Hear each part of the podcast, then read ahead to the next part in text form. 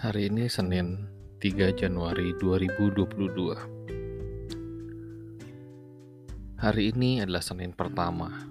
Kita sering kali mendengar I don't like Monday. Tapi hari Senin selalu tiba. Hari Senin tidak terhindarkan. Jadi bagaimana cara kita menghadapinya? Saya teringat dengan sebuah konsep yaitu carry your own weather.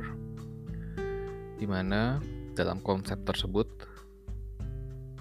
hari mau baik mau buruk adalah tergantung dari kita. Bagaimana cara kita memandang hari tersebut? Bagaimana secara spesifik kita memandang hari Senin? Apakah kita melihat hari Senin sebagai hari yang penuh dengan tantangan, hari yang memberikan peluang atau kita melihat hari Senin sebagai hari yang menyebalkan. Kita melihat hari Senin sebagai hari yang melelahkan. Itu semua ada di dalam pikiran kita. Kita yang dapat mengatur, kita yang dapat mengolahnya, kita yang akan menjalani sisa hari tersebut.